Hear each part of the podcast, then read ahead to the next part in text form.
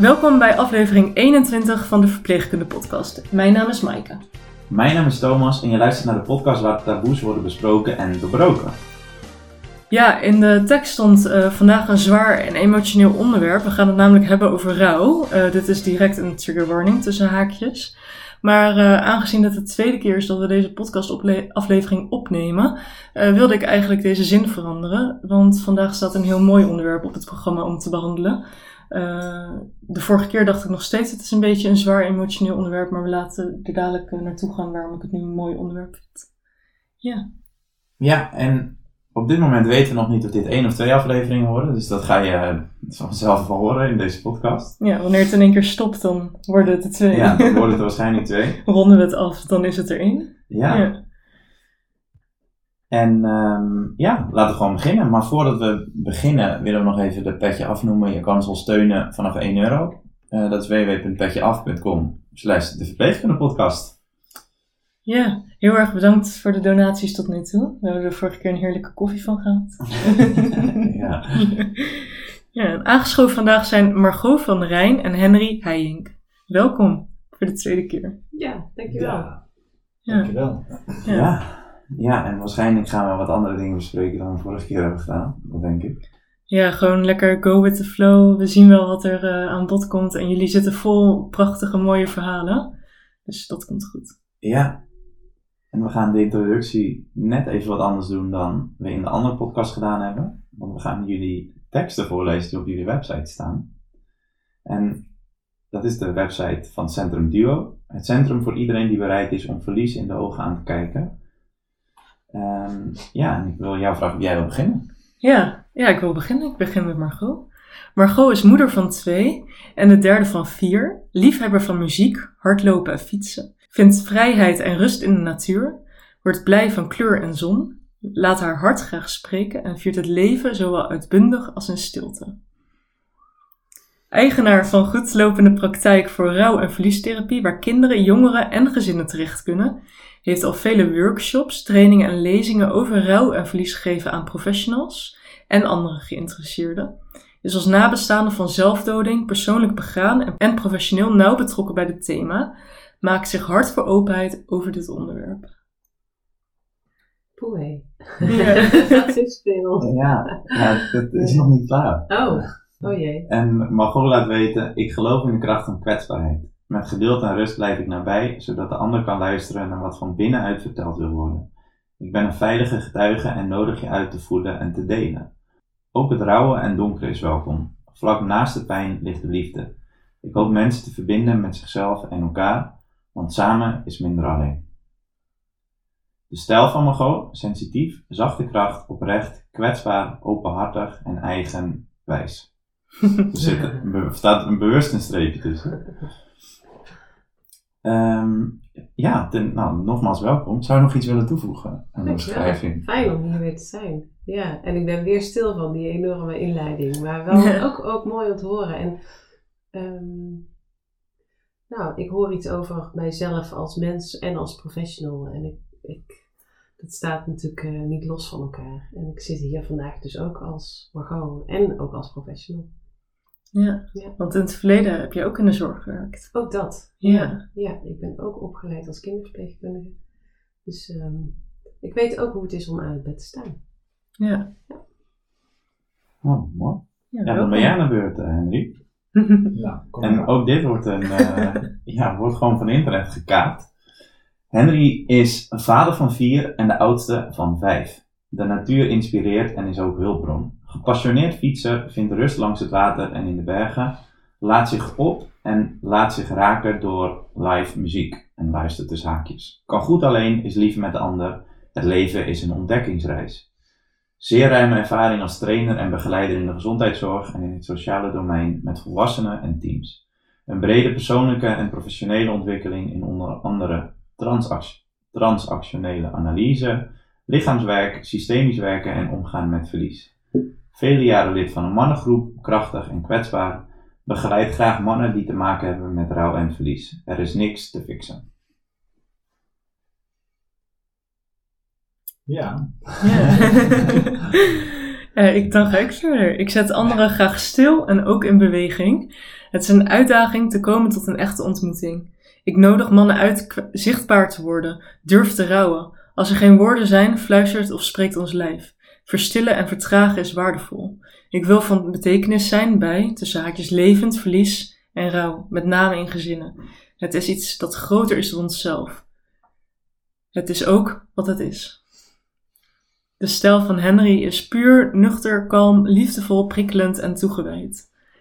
Ja, ook aan jou. Welkom Henry. Ja, dankjewel. Fijn om weer hier te zijn. Ja, de tweede keer. Heel goed. Ja, ja. ja onwijs bedankt dat jullie voor een tweede keer wilden komen. Uiteraard. Ja, ja. en ik vind het wel mooi om te zien dat jullie, want dit hebben we vorige keer ook opgelezen, maar dat jullie er alsnog stil van worden als jullie dit weer horen. Ja, Als, je, kijk, als je de teksten samen maakt en een ander leest ze voor, dan krijgt het een hele bijzondere dynamiek. Uh, en het klopt wat er staat. Uh, en toch word ik er weer stil van. Ja. Ja. ja. ja. mooi. Wil jij nog iets toevoegen? Over jouw verpleegkundige van vroeger? nee, daar wil in ik de, niks In de verpleegkundige podcast. nee, daar wil ik niks aan toevoegen. nou, je hebt wel een verpleegkundige achtergrond in de gehandicaptenzorg. Ja, ja. ja, ja, ja, ja, dus dat is mooi als je dat stukje wat je ooit in je leven hebt gedaan ook mee kan nemen in de zorg. Zeker, ja, ja, dat doe ik ook. Ja. Stukje, heel goed. Ik heb het gehad. Ja. ja, maar dat vertelde je de vorige keer toch? Ja. ja. ja. Ja, we gaan uh, met dezelfde stellingen natuurlijk werken. En de stelling is: voor rouwen staat een bepaalde tijd. Als je binnen deze tijd niet klaar bent met rouwen, dan is er vast wat anders aan de hand. Nou, mee eens waren maar weinig mensen, oneens. En dat waren dan uh, ja, de meeste. Hoe kijken jullie tegen deze redelijk zwart-witte stelling aan? Ja, ik ben in ieder geval blij dat niet zoveel mensen het ermee eens waren. Ja, ja. ja. ja dus de, de, stelling, dat is, dat is het is zo'n oude gedachte, hè? Dat je, vroeger dachten we nog dat er een begin was en een eind, alsof in een soort van rechte lijn loopt. Ja. En zo gaat dat helaas niet. En dat is maar goed ook, denk ik. Nee, voor rouw staat geen tijd. En ik denk wel dat in de loop der tijd het kan veranderen hoezeer je de rouw ervaart en hoeveel nadruk die legt in je leven en hoe je daar zelf onder voelt. Maar rouw ehm, ja, hoeft niet te stoppen. Ehm, dat zegt ook alles wat, over wat rouw is. En rouw gaat over iets of iemand die je mist. En dus gaat het over liefde. Ja. En die stopt ook niet. Dus mm rouw ook niet. Ja, dus rouw gaat niet alleen over de dood, wat veel mensen denken. Ook dat, ja, dat klopt. Veel mensen denken dat. En dat, uh, dat is niet zo, want rouw gaat dus over het kwijtraken van iets wat je dierbaar is. En dat kan ook iets anders zijn, namelijk je baan of je gezondheid. Dat is natuurlijk bij uitstek waar het hier uh, bij de verpleegkunde heel erg over gaat. Dus niet alleen een overlijden, maar ook ziek worden. En dan weten ja, dat je iets wat je eerst kon, niet meer terug kon bijvoorbeeld. Of dat je daar heel veel um, tijd voor nodig hebt. Nou, je moet je aanpassen en dat, dat vraagt ook een rouwproces. En daar staat geen tijd voor. Nee. wat ik zelf in mijn praktijk heel veel merk is dat mensen bang zijn dat anderen verwachten dat er een tijd voor staat. Dus dat, dat heel veel mensen zich uh, ook wel genoodzaakt voelen om door te gaan, omdat ja, de omgeving dat op de een of andere manier lijkt te verwachten. Ik had laatst zelfs een jongetje, echt uh, middelbare scholier, van wie zijn moeder een paar maanden geleden was overleden. En hij had nu al voor zichzelf bedacht het moet nu eigenlijk wel klaar zijn. En hij ging naar de wc om zijn verdriet er even uit te laten komen. En dan ging hij weer met een lach de klas in. Ja. En dat vind ik zo schrijnend. Niet dat iemand dat hem oplegt, maar toch ja, had hij en heel veel mensen met hem dus het gevoel van het moet niet te lang duren. En dat is heel erg pijnlijk, want dan ga je dus verdwijnen met hoe je je voelt. En dan, dan ben je alleen. Ja. En hoe komt dat dan, denk jij? Of misschien kan je iets over dit jongetje vertellen? Tenminste, niet inhoudelijk, maar hoe komt het dat het überhaupt gebeurt? Dat mensen denken, het moet zo snel nog afgelopen zijn? Ik denk dat dat heel erg gaat over het, het, het feit dat we liever niet verdrietig zijn en het moeilijk hebben. Dat dat toch, we hebben toch uh, met z'n allen het gevoel dat het goed met ons moet gaan. En het liefst altijd. Ja, want het gaat altijd goed, ja, toch? Ja, dat laten we ook het liefst aan de wereld zien. Dat we gelukkig zijn en een fijn leven. En, maar dat is niet zo. En ja, als je het dus moeilijk hebt, dan, dan lijkt het alsof je daar niet te lang mee uh, zichtbaar moet zijn. Ja, mhm. en wat ik ook wel uh, voelde in. Uh, ja, we gaan er nu wel gelijk heel diep op in met de stelling, maar ik denk dat dat ook prima is met het gesprek. Wat ik voelde, nou, jullie zijn hier natuurlijk de vorige keer geweest toen Nacho ziek was. En wat ik voelde toen Nacho was overleden, was het onbegrip wat mensen voor mij hadden, maar dat was de aanname die ik zelf had gemaakt. Oh ja. dat, dat ik dacht, wat zullen mensen nou denken dat ik aan het huilen ben om een kat? Ehm, kan ik dat wel delen? Um, kan ik daar wel open in zijn? Uh, wat zullen mijn collega's van me vinden? Um, gelukkig uh, had mijn vriend precies dezelfde emoties, dus konden we elkaar daar heel erg in steunen.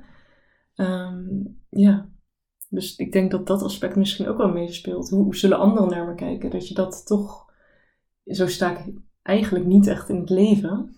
Maar als je zoiets meemaakt, ga je daar wel over nadenken. Hoe geaccepteerd is mijn gevoel door de ander? Ja, ik had al langs een gesprek hierover met een man. En die zei, uh, als ik boos ben op mijn werk, uh, of gefrustreerd, of iets lukt niet, dan vindt iedereen dat een soort van oké. Ja. Um, maar toen er een relatie verbroken was en ik daar verdrietig over was, uh, wilden mensen meteen het wegpoetsen. Hij zei, mensen wilden meteen troosten. Ja. Je ziet, er zijn heel weinig mensen die zich schamen over boosheid. Maar er zijn veel meer mensen die een schaamte voelen of zich bezwaard voelen over verdriet. Ja. Het ging nou precies daarover. Ja. En dit was ook de man die, uh, waar we het net over hadden, hè, over, de, over de eindtijd dat de werkgever zei, uh, het is toch best wel een tijdje terug, uh, die relatiebreuk. Ja, dus dan wordt er wel iets van je verwacht. Ja, en hij, ik was met hem erover in gesprek. Hij zegt, ik, ben nog, ik ben, zit er eigenlijk nog vol in. Ja. En mijn werkgever wil eigenlijk al dat ik weer fulltime, zonder verdriet en zonder, nou, hij zei letterlijk gedoe, aan het werk ben. Ja. ja. je, je zegt iets interessants, want je zegt, heel veel mensen schamen zich niet voor hun boosheid. ik denk juist dat onze luisteraars zich schamen voor hun boosheid. Verpleegkundigen willen graag aardig gevonden worden. Het gaat altijd om het ander.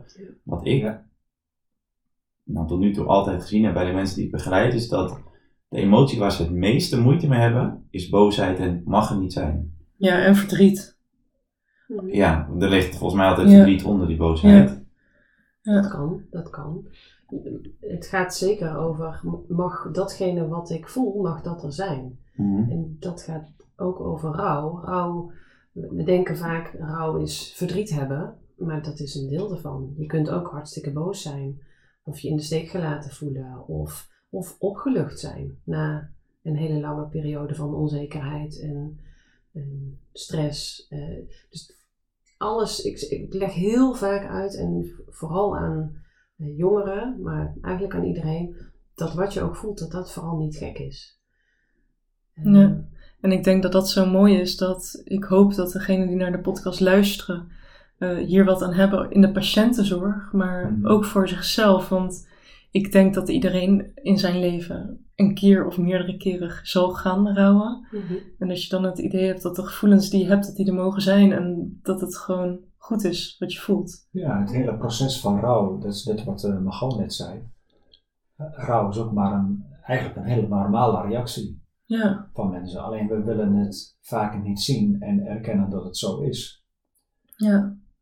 Ja. Ja, want wat jij net zei, Henry, ik weet nog wel dat mijn vorige relatie uitging. En toen heb ik me een week ziek gemeld op mijn werk. Uh, omdat ik er gewoon echt kapot van was. En ik was niet zozeer er kapot van dat de relatie uitging. Maar ik had geen huis meer. Ik had geen dak boven mijn hoofd. Ik had net al mijn geld uitgegeven. Ik studeerde toen nog uh, aan een vakantie. Ja. En ik stond op straat met niks. Kun je nagaan wat je verloren bent. Ja. En, niet, niet alleen, niet alleen de relatie, maar ook een veilige plek. En, ja. En dat is wat mensen denk ik dan niet beseffen. Want misschien bij uh, de man die jij noemde, is die misschien wel zijn kinderen voor een deel verloren. Of ook de dak boven zijn hoofd. Je, je kan het niet invullen voor iemand. Nee. nee, en naast het, wat je praktisch kwijtraakt, is het vooral ook een beeld van, van de toekomst. Ja. Iets wat je moet herzien en waarvan je ja, ook moet bijkomen. Ja. En wat je daarbij voelt, ja, dat kan van alles zijn. En ik denk zelfs dat dat heel veel mensen misschien niet eens van zichzelf doorhebben dat ze in een rouwproces zitten, omdat dus ergens wordt verwacht, ja, je gaat door en um, ja, schouders eronder. Ik moet ook denken, jij noemde net Henry het woord troosten. Ehm, dat, is, um, dat is een woord en mensen geven er hun eigen invulling aan. En vaak gaan ze daarmee proberen iets op te lossen. Alsof troosten betekent dat je het beter moet maken bij de hm. ander. Ja. Oh, ja. Dus troosten betekent dan, oké, als ik jou heb getroost, dan ben ik erin geslaagd dat jij niet meer verdrietig bent. Mhm. Maar dat is niet het doel van troosten. Nee. Het doel van troosten is dat iemand voelt dat je bij hem bent. En dat je naar hem luistert en dat je gewoon naast het verdriet kunt blijven zitten en een arm om iemand heen slaat of wat dan ook. Troosten. Ja, ja. ja, maar dat is inderdaad, als ik aan troosten denk, dan denk ik inderdaad ook aan, mijn eerste associatie is, het moet beter gemaakt worden. Ja. Of weg. Ja, maar dan ben je dus aan het troosten voor jezelf. Ja, Niet voor de ander. Nee, want ergens zit er dus ongemak bij het verdriet wat je bij de ander ziet. En dat je denkt, oh jee, dat is heel vervelend. Die ander heeft het moeilijk. Ik moet daar iets mee. Ik moet helpen. Ja. Maar helpen betekent niet dat je het moet wegwerken. Het, moet, het is juist zo helpend als je het niet weg wil werken. Als iemand de ruimte krijgt om zich even verdrietig te voelen. Ja. En dat is precies eigenlijk waar we mee begonnen. Ja, we hebben het idee dat we niet te lang mogen rouwen, omdat de ander het toch te snel wil wegwerken. Met de beste bedoelingen, hè? want we willen graag opvrolijken. Maar ik denk dat het juist voor heel veel mensen helpend is als ze, als ze voelen dat ze dat niet hoeven te proberen.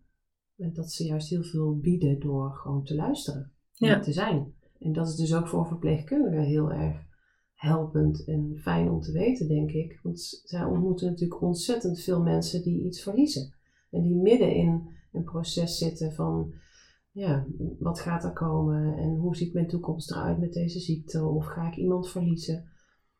Ja, dan hoef je het niet op te lossen. Dat kun je namelijk niet. Nee. Maar je kunt er wel naar luisteren. Mhm. ja. ja, en in aanvulling erop, ik moet nog aan deze man denken. En ik was met hem in gesprek en toen vroeg ik hem, wat is nou in de afgelopen periode voor jou het meest helpend geweest? En hij moest even nadenken, hij viel ook echt stil.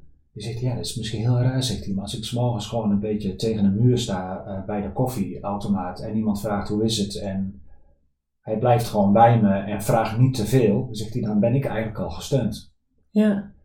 En, dat is precies, hè, dus de nabijheid is misschien nog veel belangrijker dan, nou, wat jij net zei, oplossen of mm -hmm. uh, dat het ja, beter, moet beter gemaakt worden. Ja. Ik denk dat het juist beter wordt als je uh, nabij blijft en juist niet de neiging hebt om het op te lossen. Ja. Dat, is, dat is voor iedereen veel meer helpend. Dat is echt ongelooflijk krachtig. Ja, zo heb ik zelf nog een hele relevant voorbeeld. Ik vertelde het al in de auto aan mij. Ik was gisteravond aan het dansen.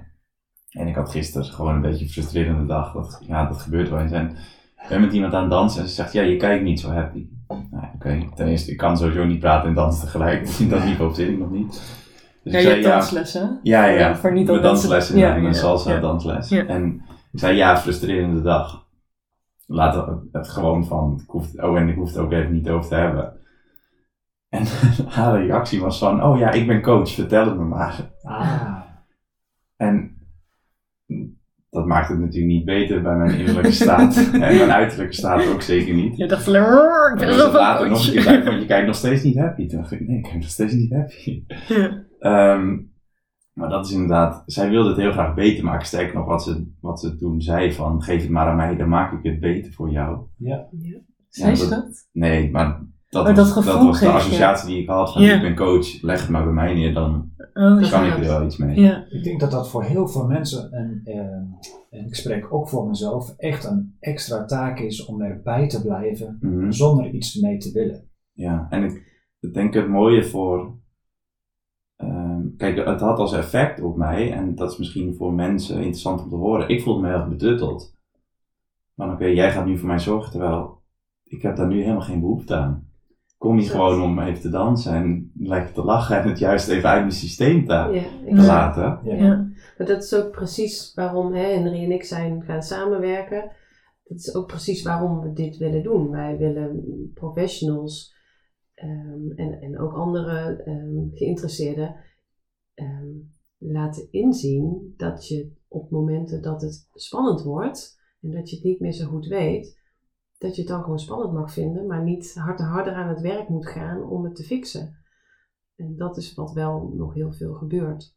Ja, ja want als ik bijvoorbeeld terugkijk uh, op een paar maanden geleden uh, en ik kwam naar werk toe, had ik geen zin om met mensen te praten. En ik weet dat collega's dat wel zo voelden, maar ik wilde dat niet. Ik had geen zin om met vrienden te praten. Ik wilde thuiskomen, in de auto zitten, schreeuwen en huilen. Thuiskomen, erover hebben met mijn vriend en weer naar bed gaan. En dan was de dag prima voor mij. Ja, precies. Terwijl anderen projecteren dan het gevoel wat zij eigenlijk zelf willen. Praten, eh, gevoelens delen, het oplossen voor de ander. Ja, terwijl dat niet is wat de ander misschien nodig heeft. Ja, dan kom je uit bij ja, wat heb jij dus nodig? En dat iedereen dus op zijn eigen manier reageert. Mhm. ja. Ehm, met huilen of praten of niet praten. Uh, of boos zijn. Of, nou, dat, dat kan alle kanten op gaan. En dat vraagt dus veel van degene die rouwt. Want het gaat dus ook alle kanten op. Hè? Dat, dat kan dus ook uh, alle kanten op vliegen. En, en ja, binnen een uur uh, elkaar afwisselen. Wat heel erg vermoeiend is.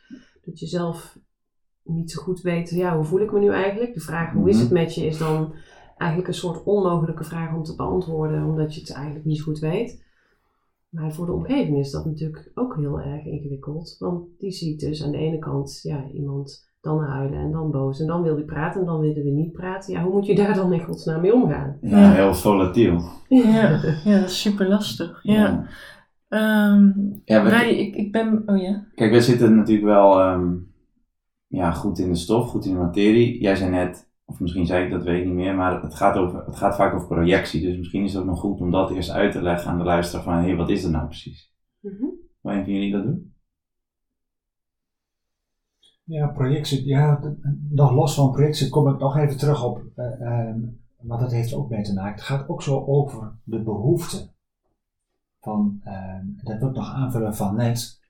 Um, van wie is het eigenlijk de behoefte om te praten, om in gesprek te blijven. Uh, net als dat een mooi voorbeeld uh, over de salsa, je, mm. je partner uh, met dansen, het was haar behoefte.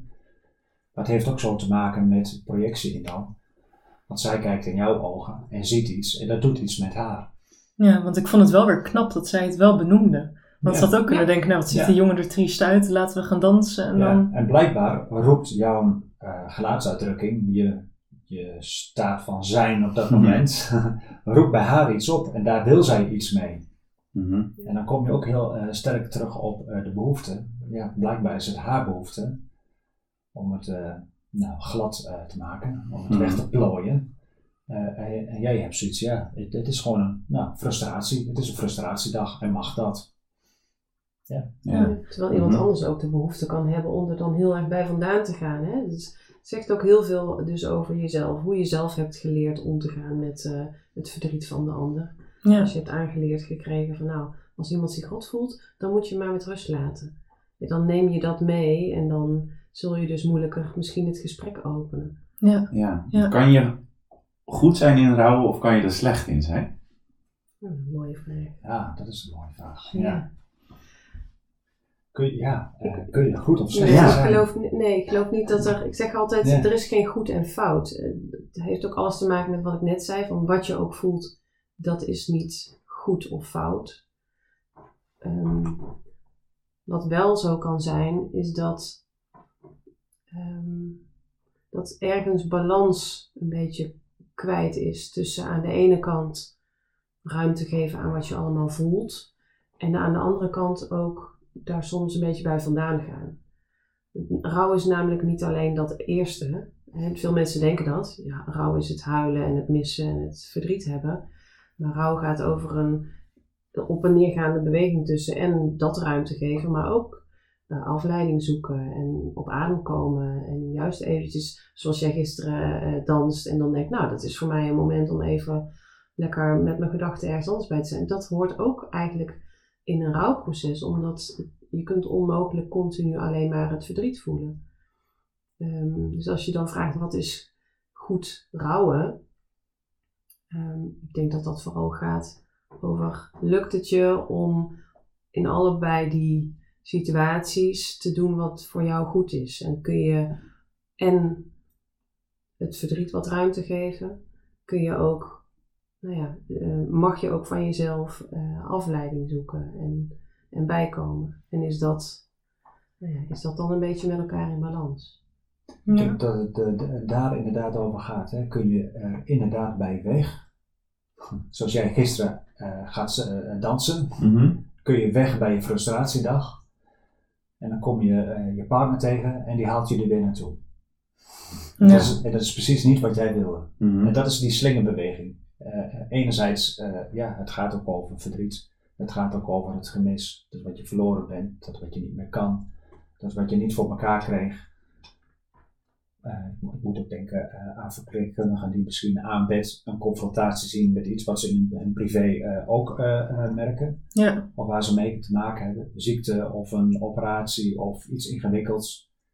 Eh, maar iedereen wil er ook graag bij weg. Uh, dat, we hadden daar onlangs ook zo'n mooi gesprek over met z'n tweeën van. Uh, toen we allebei een soort vraag kregen van nou, het is toch wel een zwaar beroep wat jullie hebben. Mhm. En toen zei ik, nou, er wordt ook veel gelachen in de praktijk. Het gaat niet alleen over rouw, het gaat ook over hoe je herstelt daarvan. Mhm. Als je een frustratiedag hebt, dan ga je lekker dansen. Uh, als iemand uh, uh, in een relatiebreuk, dan duik je misschien onder, onder de dekens. Of ehm, je, je, gaat fijn muziek luisteren, of je spit de tuin om, of nou, wat dan ook. Wat voor jou maar helpend is. En dat, dat is ook zo mooi in, in de zin van goed of fout rouwen. gaat ook zozeer over, vind je eigen manier daarin. Sommige mensen vinden het heerlijk om er even meer bij te blijven. En andere mensen vinden het heerlijk om er vooral bij weg te gaan. Ja. Ja, en als je maar heen en weer blijft slingeren, dan, wat ik zo'n mooi woord vind daarin is verweven. Hè, dan, dan, ja, je pakt en het een en het andere. En je hebt, dat is gewoon onze dagelijkse taak. Heen en weer slingeren tussen iets wat uh, ja, pittig en zwaar is. Maar ook, uh, ja, zodat het licht kan zijn. Ja, Ik denk ook dat dat aan het bed heel, heel fijn is om te weten. Dat um, dat het goed is om af te stemmen op datgene waar de patiënt op dat moment zelf zit. Dus als, als die dan meer bij het verdriet is, ja, dan, dan sluit je daar weer aan en dan luister je daarna. Maar als iemand op dat moment juist eventjes, weet ik veel, over zijn kleinkinderen wil vertellen, dan haak je daarop aan. Dan ga je niet vragen, ja, maar hoe verdrietig ben je nu eigenlijk? Dan, dat, hè, dat, en dat klinkt nu heel erg voor de hand liggend, maar soms kun je ook met een bepaalde ja, zwaarte misschien naar iemand toe lopen en denken, nou, die heeft net hartstikke slecht nieuws gehad en daar moet ik, ik moet er voor die persoon zijn. En dat moet er vooral over gaan dan, hè, dat ik luister naar, eh, jeetje, wat, eh, wat is het allemaal heftig wat je is overkomen. Maar misschien zit diegene juist op dat moment op een ander spoor. Nou, laat hem dan ook lekker even op dat andere spoor. Ja. En, en wat verder ook heel belangrijk is, is dat je vooral niet oordeelt. Nee. Ja. Over wat goed is. En hè, ik hoor veel mensen in mijn praktijk uh, last hebben van het feit dat de buitenwereld zegt van ja, je moet, je moet wel echt je verdriet toelaten, want anders dan komt het later nog terug.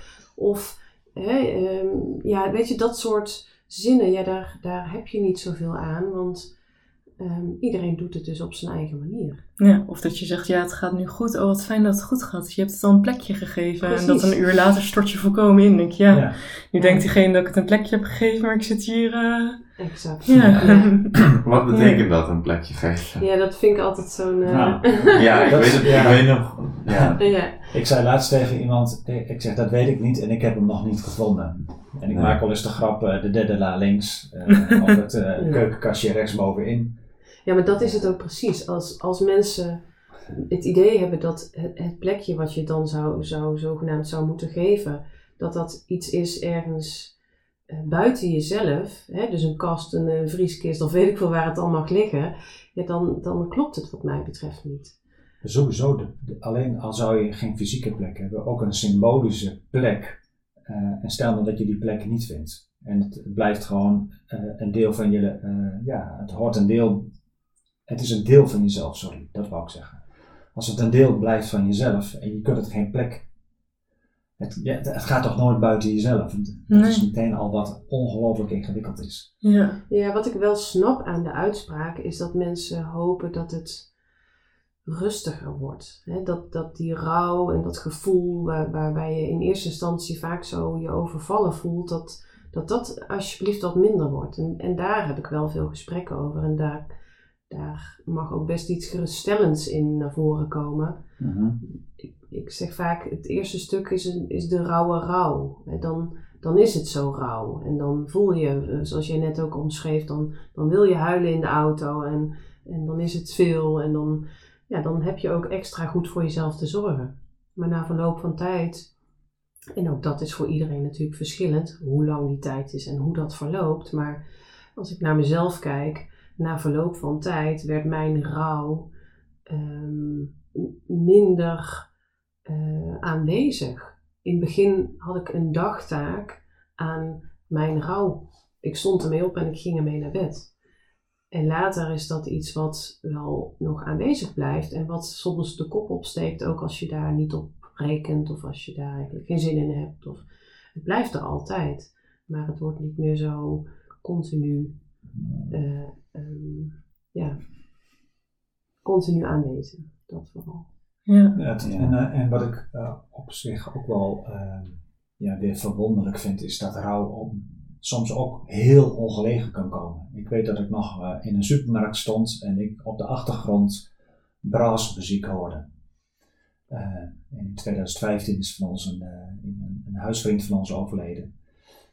En ik stond in een split second, uh, stond ik weer voor, nou, alsof het bijna gisteren was gebeurd. dus het, kan ook zo ineens door een trigger, door een geur, door muziek, door een plek, een foto, kan het zo ineens, ook als je het niet wil en je verwacht het niet, kan het ook zomaar ineens weer heel dichtbij komen. En dat vind ik eigenlijk ook wel zo mooi wat want uiteindelijk gaat het over, inderdaad, wat je in het begin zei. Uh, het gaat over de liefde. Mhm. Ja, daar gaat het over. Dat, dat gaat nooit weg. Ja. Ja, ik ben eigenlijk benieuwd, want jullie hebben natuurlijk Centrum Duo samen opgericht. Uh, en, en mijn aanname is dan dat dat ook komt omdat jullie beiden uh, rouw hebben meegemaakt of in de rouw nog zitten. Uh, zouden jullie daar nog wat meer over vertellen? Want we zijn al zo snel die diepte ingegaan. Ah, ik denk dat we daar ook nog even bij stil kunnen staan. Ja, ik zou bijna zeggen, wie, wie maakt geen verlies mee in zijn leven? Ja. Ook in het klein. Dus dat is als eerste belangrijk, want nu lijkt het alsof je uh, veel rouw moet hebben om dit te kunnen starten, of dat je oh, iets zo. mee moet hebben gemaakt om dit vak uit te kunnen oefenen, nou, allemaal dat soort dingen. Mm -hmm. maar voor mijzelf, ja, dat is, uh, ik rouw al vanaf, kom ik achter, in de studie, al van jongs af aan. En het gaat over hele kleine dingen. Ja, ook een moeder die meer en minder beschikbaar was. Ja. Uh, op basisschool een, gepest worden, bijvoorbeeld. Oh ja. Dat soort dingen. Ehm, later in je jeugd toch net niet die sporter willen of kunnen worden die je graag had willen zijn. Ja een relatiebreuk. Nou, dan, dan, daar, daar begint het al mee. het zit in, in elke leven en ook inderdaad ook in mijn leven, ja. ja. Uh, ook een uh, scheiding is daar onder andere ook een onderdeel van, maar ook eerder een relatiebreuk. een vader die in 2013 overleed, een huisvriend in 2015, um, ehm, maar ook opgegroeid zijn in Twente bijvoorbeeld en daar nog regelmatig terugkeren, ja, dat voelt ook ergens ook aan als een verlies. Ja. Ik ben een half jaar geleden opa geworden en ik merkte zelfs dat daarin een stukje verlies zit. Namelijk het verlies van de generatie daarvoor. Ja, en dat is, dat is, ja, dat is echt heel bijzonder hoe, dat, hoe dat werkt. Mooi dat je hier zo open over kan praten. Uh, ja, ja, ja voor jou misschien peanuts, maar... Nee, nee, dat is niet altijd peanuts. Nee, nee, dat is, het is niet altijd, maar het roomt ergens wel af. Ja, ik was deze week op zoek naar een cd die ik graag in de auto wilde draaien.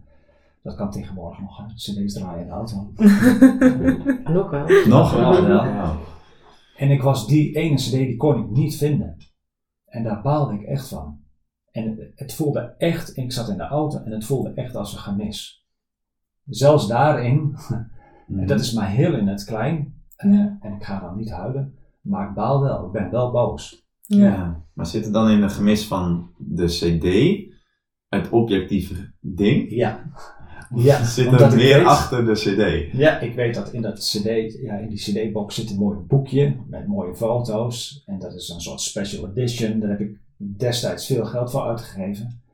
Ik vind dat prachtig. Dat is mhm. iets wat mij dierbaar is. Ja. Dat is net wat Margot ook zei. Ja, uh, het, is, gaat niet over mensen, maar ook over ja, dat kan ook over dieren zijn. Het kan misschien, ik heb niks met sieraden, maar ik heb wel iets met uh, uh, mooie cd's, mm. mooie boeken, bijzondere uitgaves, uh, dat soort dingen.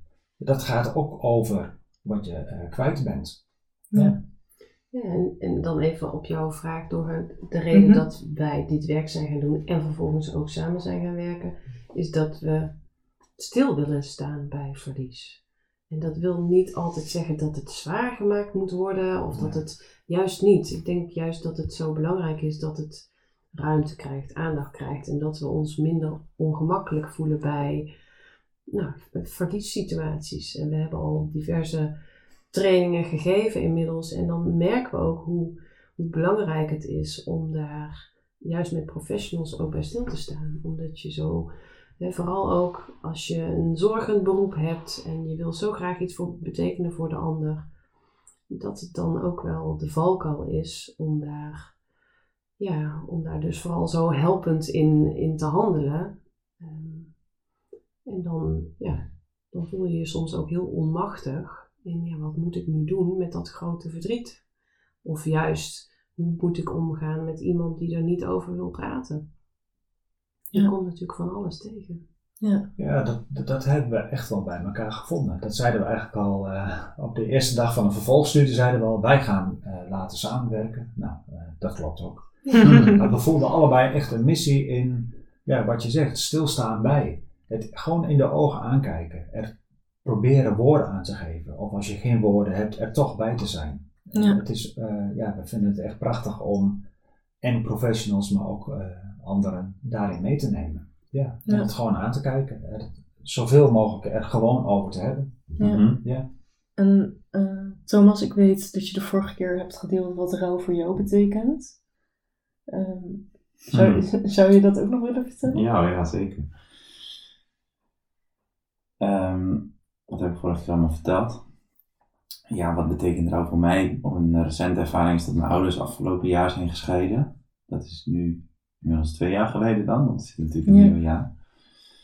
Ja, rouw is voor mij omgaan met negatieve emoties, met boosheid, met um, gevoelens van verraad, machteloosheid. Ja, en ik denk dat rouw als een rode draad door iedereen's leven heen zit. En zonder rouw heb je geen mooie momenten. Tenminste, zo is het voor mij. Dus ja, toen ik bijvoorbeeld uh, mijn brandongeluk had toen ik 11 jaar oud was. Als ik daar nu op terugkijk, ik heb het daar een hele leuke periode gehad. Dat klinkt misschien gek, maar het was echt te gek in het ziekenhuis. Ehm, maar als ik daar nu op terugkijk, dan heb ik me daar ook wel eens een soort van betutteld gevoeld of juist helemaal niet gezien. Mhm. Eh, en als ik daar dan nu aan denk of aan reflecteer, dan voel ik ook weer dat verlies en dan doet het me ook weer pijn. En wat jij zegt, van nou, ik heb soms een. Mijn ouders hebben zich ook op een bepaalde manier gedragen en helemaal niet om ze iets kwalijk te nemen, maar ja, dat doet soms ook nog wel eens pijn. Ja, en daar heb ik niet mee te dealen en dat is voor mij rouw. Ja. En de relaties die uit zijn gegaan en ja, er is echt genoeg. En, het, en, en het, uh, het, is mooi opmerkzaam wat je zei over, en het was daar ook leuk. Ja. Ja. ja. En dus blijkbaar was dat ook een hele veilige plek voor jou. Een plek waar je kon zijn. En wat was daar dan zo fijn aan? aan die plek? De mensen waren aardig, heel belangrijk. De verpleegkundigen waren ja, altijd aardig en vrolijk. Tenminste, hoe ik dat heb opgeslagen. Ik, mijn wonden werden elke dag verzorgd. Ik kreeg veel pijnmedicatie, veel slaapmedicatie en ik heb daar niet heel veel van opgeslagen. Dus ja, misschien is een stukje coping geweest, maar ja, ik heb wel wat herinneringen dat het pijn was. Maar volgens mij was het allemaal wel te, te behappen en ik speelde altijd Waar is Wally. Dus nou ja, dat is wat ik heb opgeslagen. Ja. Ja. Um, ja, die mensen waren altijd vriendelijk. Ik ging bijvoorbeeld altijd naar de dagbesteding. Dus ja, ik, ik was bezig. Ik werd bezig gehouden. Ja, en dat maakte het voor mij een, een leuke, goede plek. Mooi hè? Ik vind het zo mooi om te horen dat het dus zo gaat over de mensen die er om jou heen zijn. En dat jij um, voelt dat je ja, veilig op je gemak bent. En ik hoor je ook iets zeggen over dat je je begrepen voelt. Ja. En dat is, daar gaat het vaak om. Dat, dat juist als, het, als er dus moeilijke dingen gebeuren, dat je dan mensen om je heen hebt die jou dat uh, veilige, rustige gevoel kunnen geven. Nou, dat, dat zijn verpleegkundigen natuurlijk bij uitstek die dat kunnen doen. Ja. En als je daar dus vriendelijk in kunt handelen vanuit je hart, uh, zonder dat daar per se hele diepgaande gesprekken bij moeten komen. We hebben een, een workshop die heet Spreken is zilver. Dat is niet voor niks. Mm ja. Zwijgen is goud. Ja. Het, stil zijn met elkaar is echt soms een kunst. Mhm. Maar ik vind het zo mooi aan jouw verhaal dat je zo nadrukkelijk benoemt dat de mensen om je heen eh, je dat gevoel vooral gaven. Ja. ja. Dat steunt. Ja, en zo heb ik ook nog, ik heb bijvoorbeeld nog ehm, een aantal dingen die ik destijds heb gemaakt in, ja, met Marleen. Nou, die werkt daar nu nog steeds. Zij, ze deed dus de dagbesteding. Um, ik heb nog een, ja, dat is een brandwondenboek. Dat heb ik gekregen toen ik daar aankwam. En daar staan teksten in. En als ik bijvoorbeeld de eerste pagina lees van mijn vader, dan ben ik nog steeds aan het huilen. Dat raakt me zo. En dat is dan Prachtig. deels mijn verdriet en deels zijn verdriet. Ja. Ik heb nog een, ja, dat zijn twee smurfen. Dat heet een Krimpy Dinky. Dat gaat in de oven en dat wordt dan volgens klein. En dat gebruik ik nu als metafoor. Um, als je die smurf bekijkt, het is een, ja, hij steekt zijn duim op, trekt een gekke bek. En die, die smurf gebruik ik nu heel erg als verhaal wat ik zelf altijd gedaan heb. Namelijk altijd lachen, altijd mijn duim opsteken. En mijn onderliggende gevoel was precies wat je in die smurf ziet. Begon groot is klein. En altijd, ja, het kon niet, had, tenminste had niet het, ik had niet het gevoel dat ik groter kon worden. Hm. Dus ik, dat is hoe ik me altijd gedragen en gevoeld heb. En dan zeg ik binnen het verhaal, maar ik voel me nu grote smurf. Maar af en toe ben ik ook nog steeds dat, die kleine smurf. Ja. Um, ja, dus ja, dat raakt me nog steeds. Het is nu, um, ben 29, dat is nu 18 jaar geleden. Maar ja, dat, is, dat raakt me nog steeds. Of het kan me nog steeds raken. Ja, wat mij ook zo opvalt is dat je dus nu nog steeds uh, een enorme meerwaarde hebt in die rituelen van toen. Ja. Dus dat geeft voor jou nu ook uh, en hou vast, maar je kan ook gewoon met veel rust terugkijken naar die periode. Mm En wat mij zo treft, waar je het net ook over hebt, je moest het daar wel zelf doen, maar je hoeft het niet alleen te doen. Mhm. En dat is vaak ook wat je bij verlies vaak ziet. Het is ook een heel, nou ik zeg wel eens, het is ook ergens ook een heel eenzaam proces wat je zelf doet. Uh, je beschrijft dat net mooi, hè? mijn binnenwereld je zegt het niet letterlijk als binnenwereld, maar mijn buitenkant was anders dan mijn binnenkant. Ja, ja. zeker weten. Ja. En dat is voor iedereen zo. Ja. ja, en ook zo mooi wat je inderdaad benoemt, dat zoiets tastbaars dus ehm, toen, maar zelfs zoveel jaren later nog zo helpend kan zijn. Dat vind ik ook mooi om juist aan de verpleegkundigen die luisteren uit te leggen dat iets tastbaars heel erg waardevol is Ehm, op dat moment om iets vast te leggen. Iets wat of verdrietig was of juist heel waardevol om, ehm, om met je mee te kunnen nemen. Als een anker, als een herinnering, als iets waarop je terug kunt blikken en wat dan echt in je handen kan. Uh, dus ja, dat, dat is vaak ook voor mensen die, uh, die rouwen, ook bijvoorbeeld nadat iemand is overleden. Um, nou, gewoon heel fijn om dan nog tastbare herinneringen te hebben. Ja. ja. toen je dit vertelde, moest ik meteen aan een voorbeeld denken, bijvoorbeeld een begrafenislied. Mm ja. Niet dat ik zelf zo'n voorbeeld heb, maar ik maak zelf heel veel gebruik van muziek. Mhm. Waar dan een bepaalde herinnering aan zit. En als ik denk, hé, hey, ik wil er even naar terug, dan luister ik muziek en dan gaat het een stuk makkelijker. Ja, precies. Ja. ja, en ik had bijvoorbeeld een patiënt in het ziekenhuis uh, in het Erasmus was. En zij lag er met moederdag. En uh, haar dochter kwam op bezoek met haar kleinkind. Uh, en uiteindelijk is die patiënt, ik denk, een ruime maand later overleden. Uh, en dat zagen we op dat moment nog niet aankomen. Maar haar dochter was dus op bezoek met een kleinkind. Ik zei, zou ik een foto van jullie maken? Dat is leuk, dan print ik hem hier uit. En uh, dan kunnen we aan de muur ah, hangen. Fantastisch. Ja, ja, en zo kon ja. zij haar kind en kleinkind zien op het moment dat ze in bed lag. En dat was voor die dochter zo'n mooie herinnering op het moment ook dat zij was overleden. Uh, dat moment, die dag, moederdag, dat ze die foto had. Ja. Heel mooi dat je dat hebt gedaan. Ja, echt. Ja, dat heb je achteraf pas door wat je eigenlijk hebt gedaan. Want op dat moment dacht ik, oh gezellig, moederdag, laten we een leuke foto maken. Ja, en ook vanuit dat gevoel was het dus een, een, een mooi gebaar en een goed plan om het te doen. Ja. Dus was, ik kan me ook voorstellen dat, dat de vrouw in het bed het fijn vond om daarna naar die foto te kijken. Ja. En daarna krijgt het nog meer betekenis. Ja. Dus het is heel mooi. Ik zou zeggen, een uitnodiging naar verpleegkundigen om dat soort intuïtieve dingen ook gewoon te doen. Doe maar gewoon. Ja, en ik denk nu ook aan dat andere verhaal wat ik de vorige keer ook had verteld. Over die patiënt met heel veel pijn die in, eh, die in een sikkelcelcrisis zat. Mhm. Eh, die uh, van de pijn niet meer wist hoe ze in het bed moest zitten, op de stoel moest zitten, liggen. Nou, ze ging door heel dat bed heen. En ik kwam naast haar staan en ik zei het in de trant van... Wat heb je nodig van mij momenteel? Wat kan ik voor jou doen? En toen keek ze me aan en toen zei ze... Mag ik je even knuffelen? Ah, prachtig. Ja, dus ik natuurlijk mag dat. Kom hier. Ja, ja. ja, ik hou van knuffelen. Dus ik heb de beet gepakt, we hebben geknuffeld. Het was in de COVID-periode, mocht totaal niet. Maar het was het beste voor haar op dat moment. Ja. En hoe doe je dat als professional? Knuffelen?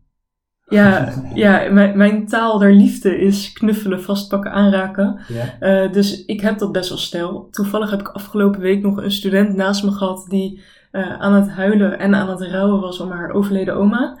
Um, en ik dacht alleen maar, kom hier, ik wil je beet houden, ik wil je knuffelen. Uh, maar ik dacht ook terug uh, aan ons vorige gesprek, waarin ik heb geleerd dat mijn methode niet iedereen's methode is. Ja. En toen dacht ik van, ja, maar hoe kan ik haar nu beetpakken? Wat, wat, wat mag ik hier doen? Dus ik heb eigenlijk continu naar haar gekeken, in hoeverre wil zij aanraking, in hoeverre ik dat ook kon zien. En uh, toen keken we elkaar op het laatste aan. Ik, ik pakte zo de, de schouderbeet. Zij keek mij aan. En toen was het, nou kom maar hier. Ja, en uiteindelijk hebben we zeg maar op dat moment niet een knuffel gedeeld. Maar toen ze wegliep wel. We voelden gewoon aan dat het, ja, ik weet niet, het klinkt heel vaag nu. Maar in die ruimte voelde ik aan dat zij het wel toe zou laten. Ik kon er misschien ook om vragen. Heb ik niet gedaan. Had ik misschien wel kunnen doen. En toen zij wegging heb ik het een knuffel gegeven. Weet je wat het zo mooi, zo mooi in dit uh, stuk is? Het doet mij herinneren aan een, uh, een les waarbij we uh, gewezen werden in onze opleiding op, ja, maar als we struikelen, wat doen we dan? Dan wrijven we zelf ook, of als we ons hart stoten, wat doen we dan? Dan wrijven we ook over onze gestoten hand of een elleboog. Ja. dus troost, we troosten ook onszelf. En toen we heel klein waren, waren we heel dichtbij. Ja. Uh, en het is niet zo gek om als volwassene dat ook te doen, ook als je verpleegkundige bent. Ja, mooi om te horen. Ja. ja. ja. Dus het komt eigenlijk terug uit een soort oergevoel of zo ook. Het is een absoluut oergevoel. Ja. Ja, ja. en wat je mooi deed in het voorbeeld, het eerste voorbeeld met die patiënt, uh, vragen: wat heb jij nu nodig? Dat vind ik echt een prachtige vraag, want dan stem je dus af op de behoeften van de ander. Want sommige mensen inderdaad hebben niet zo'n behoefte aan fysieke uh, aanraking. Nee. Terwijl een ander denkt, oh alsjeblieft hou me nou eens vast. Dus als je dat vraagt, en je mag natuurlijk ook luisteren naar je eigen, hè, en sommige verpleegkundigen zullen zelf daar ook niet zoveel behoefte aan hebben, ja, dan moet je daar ook uh, serieus en goed mee omgaan. Maar vraag. Vraag ja. maar gewoon wat iemand fijn vindt. Ja, Misschien maar ik vinden ze het fijn als je er gewoon even naast gaat zitten. Of ja. iets voorleest. Of gewoon even samen een, een een stukje muziek luistert of gewoon niks. Ja. Of even met rust gelaten worden. Dat kan ook een antwoord zijn. Want dat heb ik dus andersom meegemaakt bij iemand. Dat ik ook vroeg, ja, wat kan ik nu voor je doen? Ja, even niks. Uh, ik kan me nu zelfs herinneren, ik weet niet of dat in die casus ook was, maar dat diegene ook vond dat ik veel praatte en dat ik te veel vroeg. Nee, ga maar gewoon even de kamer uit. Laat me maar even alleen. Oké. Okay. Ja. ja, ook prima. En dan is het dus de kunst om dat niet als uh, afwijzing van jou te zien, dat iemand denkt, nou, dat, uh, vind ik ook niet aardig. Nee, dit is, dit is dus de behoefte van die ander. En nou, hij heeft liever dat je even uh, weg bent of minder taal gebruikt. Ik vind het alleen maar heel fijn als mensen dat durven uit te spreken. Want hoe minder we uitspreken, hoe minder we van elkaar begrijpen en hoe minder goed we elkaar dus kunnen helpen. Ja, ja. ja terwijl, en wat je zegt, ja, het is de kunst om dat niet als afwijzing te zien. Misschien is het juist de kunst ook daarnaast dat als je dat wel als afwijzing ziet, dat je dan denkt, hé, hey, dit is iets waar ik iets mee kan. Ja, ja dan is het dus iets van jou. Ja, exact. Ja, mooi. Het doet mij ook denken, Mago, aan onze laatste workshop, waarbij een aantal zorgprofessionals waren en we die stelling hadden over uh, nabijheid en distantie. Ja. En toen ging het gesprek erg over de professionele distantie of ja. persoonlijke nabijheid. Ja. ik herinner me nog het gesprek dat veel uh, zorgprofessionals daarmee aan het stoeien waren. Zo van, ja, is het wel geoorloofd om dichtbij iemand te komen als diegene, als ik voel, hè, intuïtie zei je, als ik voel dat dat kan. Ja. Nou, dan zou ik zeggen, uh, uh, volg dan vooral je hart. Doen, ja. En, en doe het. Maar ik vond het een hele mooie, een, ja, een mooi gesprek over, wat doe je dan? Blijf je nabij? Of denk je, nee, maar ik ben professional en ik moet dingen doen. Ik moet ja. technische vaardigheden en dat soort dingen. Ja. ja. ik denk dat het heel vaak misgaat als je voor de ander gaat invullen. Mm Als je dus gaat denken, oh, die heeft het moeilijk. Nou, die zal dan wel niet willen praten. Of die wil juist wel praten. Of die wil met rust... Hè? Als je voor de ander gaat denken, dan loop je gewoon het risico om de plank mis te slaan. En juist dan iemand heel erg in eenzaamheid achter te laten. Ja, ja. ja. Ik uh, begon de podcast met uh, dat ik het niet meer zo'n zwaar onderwerp vond, maar eigenlijk een mooi onderwerp. Uh, en ik denk dat dit wel het mooie moment is om dat ook toe te lichten. Mm-hmm. Yeah. Op het moment dat Natje overleed, waren mijn vriend en ik enorm verdrietig om het feit dat de kat die wij samen hebben gekocht op het moment dat we eigenlijk echt samen gingen wonen, overleed. Dus het stukje van ons samen was eigenlijk weg, want ons samen in een huis was met Nacho. Dus dat, dat was eigenlijk het verdriet wat er bij ons beiden onder lag. En dat het gewoon zo'n enorm leuke, lieve poes was. Die er voor mij altijd was op het moment dat ik aan het revalideren was van uh, long covid. En voor mijn vriend er was, omdat hij thuis kwam en zag dat ik iemand had gehad overdag. Terwijl ik alleen maar op de bank kon zitten. Dus die lading had het ook. Um, nou, er was een week voorbij. Uh, toevallig, uh, Natje is overleden op een woensdagavond. En uh, donderdag vlogen wij naar Rodos toe. Iedereen zei, ga maar op vakantie, dat zal jullie wel goed doen. En ik dacht alleen maar, fuck off met, het zal me wel goed doen. Dat bepaal ik toch zelf wel. Ja. Maar ik dacht alleen, we hebben er geld aan uitgegeven. Die vakantie nu annuleren lijkt me ook niet goed. Dus laten we maar gewoon gaan. Het heeft me goed gedaan. Ehm, mijn vriend die houdt niet van huilen in het openbaar. Uh, dus als hij emotioneel werd, zijn we naar de hotelkamer toe gegaan en hebben met elkaar ja, wel gehuild. Want hij kan bij mij gelukkig zijn tranen wel laten. Um, en dat was ook heel mooi. Maar ja, toen een week later dacht ik van ja, nu is het eigenlijk wel klaar.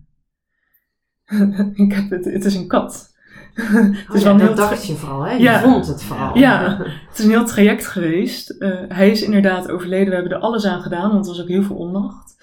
Van ja, godver, dan trek je alles, sorry voor de woorden, dan trek je alles uit de kast, geef je er zoveel geld aan uit. En dan werkt het gewoon niet. Het lukt gewoon niet. Ja, dat is ook de geneeskunde. Vaak is dat meegemaakt bij patiënten. Dus je zal het ook zien bij jezelf. Maar gewoon die, dat onmacht, oneerlijke gevoel. En toen dacht ik van ja, uh, nu moet het wel over zijn, maar dat was het niet. En een week later werd ik ziek. Ik, ik stond hier in de kledingkastkamer uh, en ik was me aan het aankleden. Ik had hoofdpijn, ik had buikpijn. Uh, ik moest naar het toilet. Meerdere keren ook al geweest ik had het gevoel dat ik kon overgeven. Alles was eigenlijk niet goed. Ik dacht van ja, wat doe ik mezelf aan? Zo kan ik niet lesgeven. Dus uh, manager opgebeld, ziek gemeld. Die middag gaan wandelen. Uh, want ik wilde wandelen, ik weet ook niet waarom. En uh, ik wandelde naar het bankje toe waar ik altijd naartoe heb gewandeld. Daar reed ik dan met de auto heen. Deed ik een 500 meter wandeling in een ja, herstelperiode van COVID. Ik was bij dat bankje. Daarvoor had ik gebeld met mijn manager, alleen maar aan janken. Die was trouwens wel heel lief en behulpzaam. Ik kwam bij dat bankje aan, alleen maar aan janken. Die mensen om me heen, die dachten echt, wat is daar gaan? En toen dacht ik, dit is het.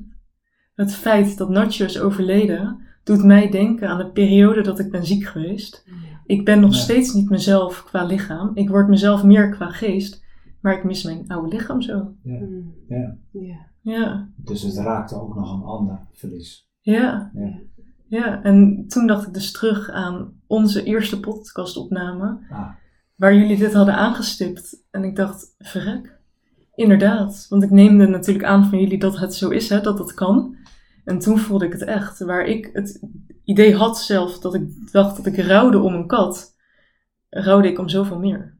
Ja, ja. ja. en dat is, dat is ook wat, wat, uh, wat vaak gebeurt. Het ene, het ene stukje verlies dat raakt ook een ouder verlies. Ja. ja. Ja. ja. dus vandaar dat rouwen ook heel mooi kan zijn. Want je kan ook zien wat iemand heeft gebracht, of een dier heeft gebracht, of een object heeft gebracht. Want juist als je rouwt, dan weet je dat je ergens van houdt. Ja. Exact. Ja, en wat mooi dat je daarbij stil bent gaan staan. Letterlijk, hè? Je hebt ja. letterlijk jezelf ziek moeten melden. En dat vind ik ook zo frappant aan rouw. Je lijf doet volledig mee. Ja. En dat, ehm, die signalen, die, die mag je serieus nemen. Dus ergens drukt je lijf op een rem van ho, ho, ho. Je mag echt even stilstaan bij wat er verder allemaal in jou gaande is. Nou, dat heb je hartstikke mooi gedaan. En dan, ja, dan voel je wat er te voelen valt. Ja. ja. En dan krijgt het in ieder geval de ruimte die het vraagt. Dank je voor het compliment. Ja. ja. ja. Ik denk dat gezien de tijd uh, en dat dit ook wel een mooi moment is om er zeg maar, deze aflevering te stoppen. En dat we, wij gewoon lekker verder blijven praten. En dat uh, wij jullie luisteraars terugzien bij de tweede aflevering. Mag ik er nog één ding over zeggen? Ja, ik wil er graag nog iets aan toevoegen. Dat is volgens mij in het afgelopen dikke uur niet aan bod gekomen. Dat rouwen dus ook ongelooflijk hard werken is. Ja. En dat daar vermoeidheid. Ja. Oh ja. Uh, ja, dat, dat, dat er ook zo ongelooflijk bij uh, komt kijken. Uh, en dat zien we in de praktijk. Bij workshops komen we dat regelmatig tegen. Mm -hmm. en soms dan lijkt het alleen maar te gaan over wat je bent verloren, waar je verdrietig over bent, waar je boos over maakt. En we vergeten zo ongelooflijk vaak onze lijf. Onze lijf vertelt ons alles. Ja. ja. En Dus rouwen is echt hard werken. Het is rouwarbeid. Ja, ja, een mooie aanvulling nog voor deze aflevering. Ja, zeker ook voor verpleegkundigen die, uh, die los van allerlei uh, feitelijkheden hebben over ziekte en dat soort dingen. Mm -hmm. ja, heeft vrouwen ook zoveel te maken met een algehele vermoeidheid. Ja. Ja, we hebben heel veel stellingen, dus uh, ik stel voor dat we daar naartoe snel overgaan en dan kunnen we dat nog behandelen met jullie expertise erbij. En uh, dat hoor je dan aflevering 2. Ja, dit is het einde van aflevering 1. Aflevering 2 wordt ook direct geüpload, dus je kan meteen verder naar de volgende. Yes. Ja, we hebben natuurlijk altijd een hele mooie exit van de aflevering, dus even in het kort. Vergeet niet te liken, te subscriben, et cetera, alles. Uh... Ja, en als je ons nou echt, echt, echt wilt helpen, dan kan je dat op, normaal gesproken zeggen we twee, één manier, maar nu worden het twee manieren. Manier 1 is doneren via www.petjeaf.com slash de verpleegkundepodcast. Mm En manier 2 is deze aflevering met minimaal één iemand anders delen en zeggen dat diegene moet luisteren. Ja, dat is een mooie.